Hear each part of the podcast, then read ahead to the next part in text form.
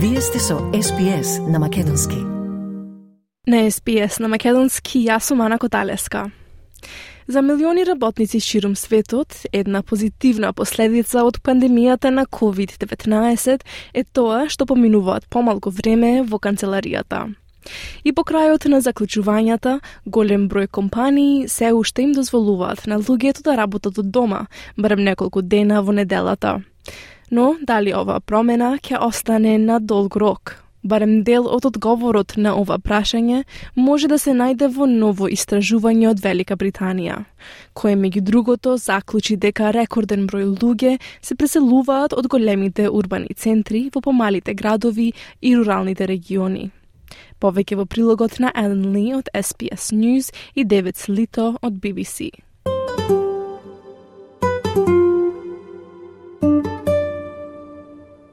Веројатно никогаш не сте слушнале за Банли Салтертон. Тоа е мал приморски град во англиската област Девен, со помалку од 6000 жители. Но во градот се одразуваат современите трендови. Мет од кафулето Longboat во градот вели дека неговиот бизнис сега прави нешто за прв пат.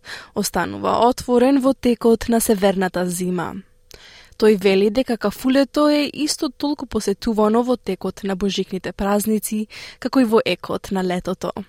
So last year we were open for the week after Christmas and it was just as busy as it was in the height of summer. Во центарот на Бандли се забележува и друго извонредно случување. Нема празни продавници. Ален, кој работи во продавница за храна, вели дека бизнисот заработува 20 одсто повеќе во споредба со годините пред коронавирусот.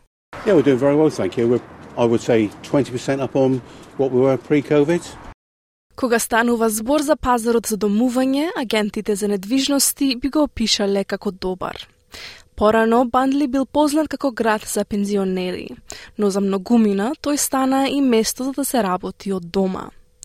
Двајца релативно нови жители на градот се Адам Суитс, кој е градежен инженер, и Марк Годфри, кој одржува објект за свадби. Адам вели дека неговиот живот бил сосема трансформиран. We're very lucky to find our dream home in Budley during COVID. How often do you have to go to the office? Twice a week, probably now, and the rest of it I just do from home. There's sort of 10, 20 families that have all moved in. It's become quite a family friendly area. Life has been transformed, hasn't it?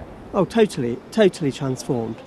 Ново објавена студија заснована на податоците од мобилните телефони низ повеќе од 500 места низ Велика Британија откри неколку интересни податоци. Студијата покажува дека бројот на посетители на центрите на градовите во 2022 година е намален во споредба со 2019, а во Лондон тоа е намалување од 50% но повеќе помали населби предградија со локални продавници и постари градови како Банли Солтертон, според оваа анализа стана позафатени во оваа нова ера на работење од дома. И се чини дека ова е нешто што се случува и во Австралија. Пол Гера од Стопанската комора на Викторија вели дека регионалните делови на Австралија доживуваат раст. We know the suburban office is actually going pretty well, and I've spent the last couple of weeks out in regional Victoria, which is also going pretty well. So I think the opportunity is to rethink what the CBD is going to look like. Но не се сите задоволни од ова движење кон предградијата и регионалните градови. Марино Плагиотис е менеджер на Кафуле во центарот на Сиднеј.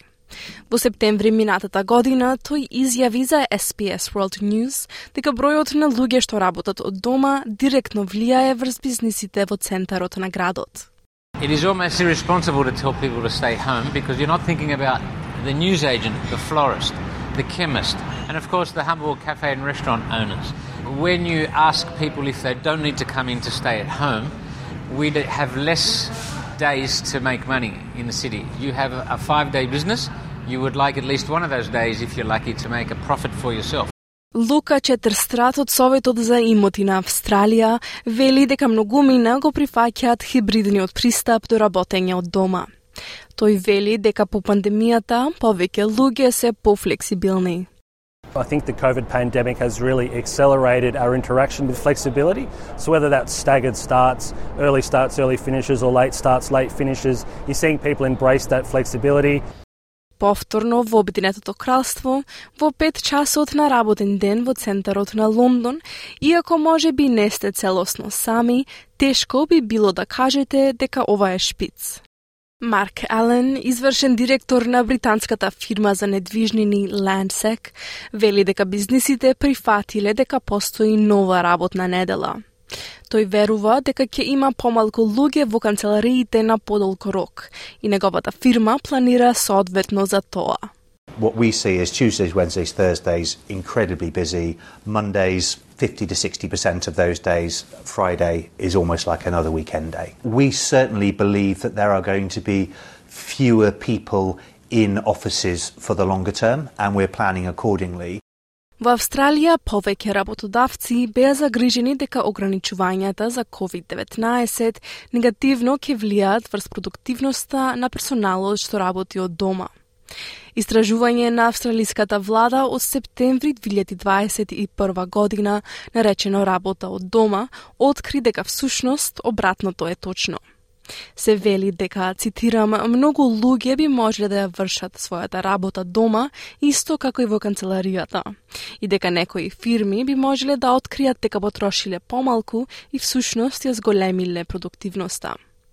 Марк Ален вели дека според британското искуство се чини дека работодавците ќе треба да се обидат да создадат канцеларии кои всушност ќе ги привлечат нивните вработени. Completely. And if there's not many places to go and have lunch or go out with your friends after work, I think those places are going to cease to be relevant in their current form. Во близина на Бадли Салтертон се наоѓа Volunteer Inn, уште една установа во која собственикот Марк Даун вели дека забележал подобрувања. We do get an awful lot of people that like just to come out because they've been isolated on their own at the laptop or whatever and we're so much busier. Yeah, massively busy. Thank God. За многумина се чини дека канцеларијата станува место каде што одиме кога сакаме, наместо кога мораме.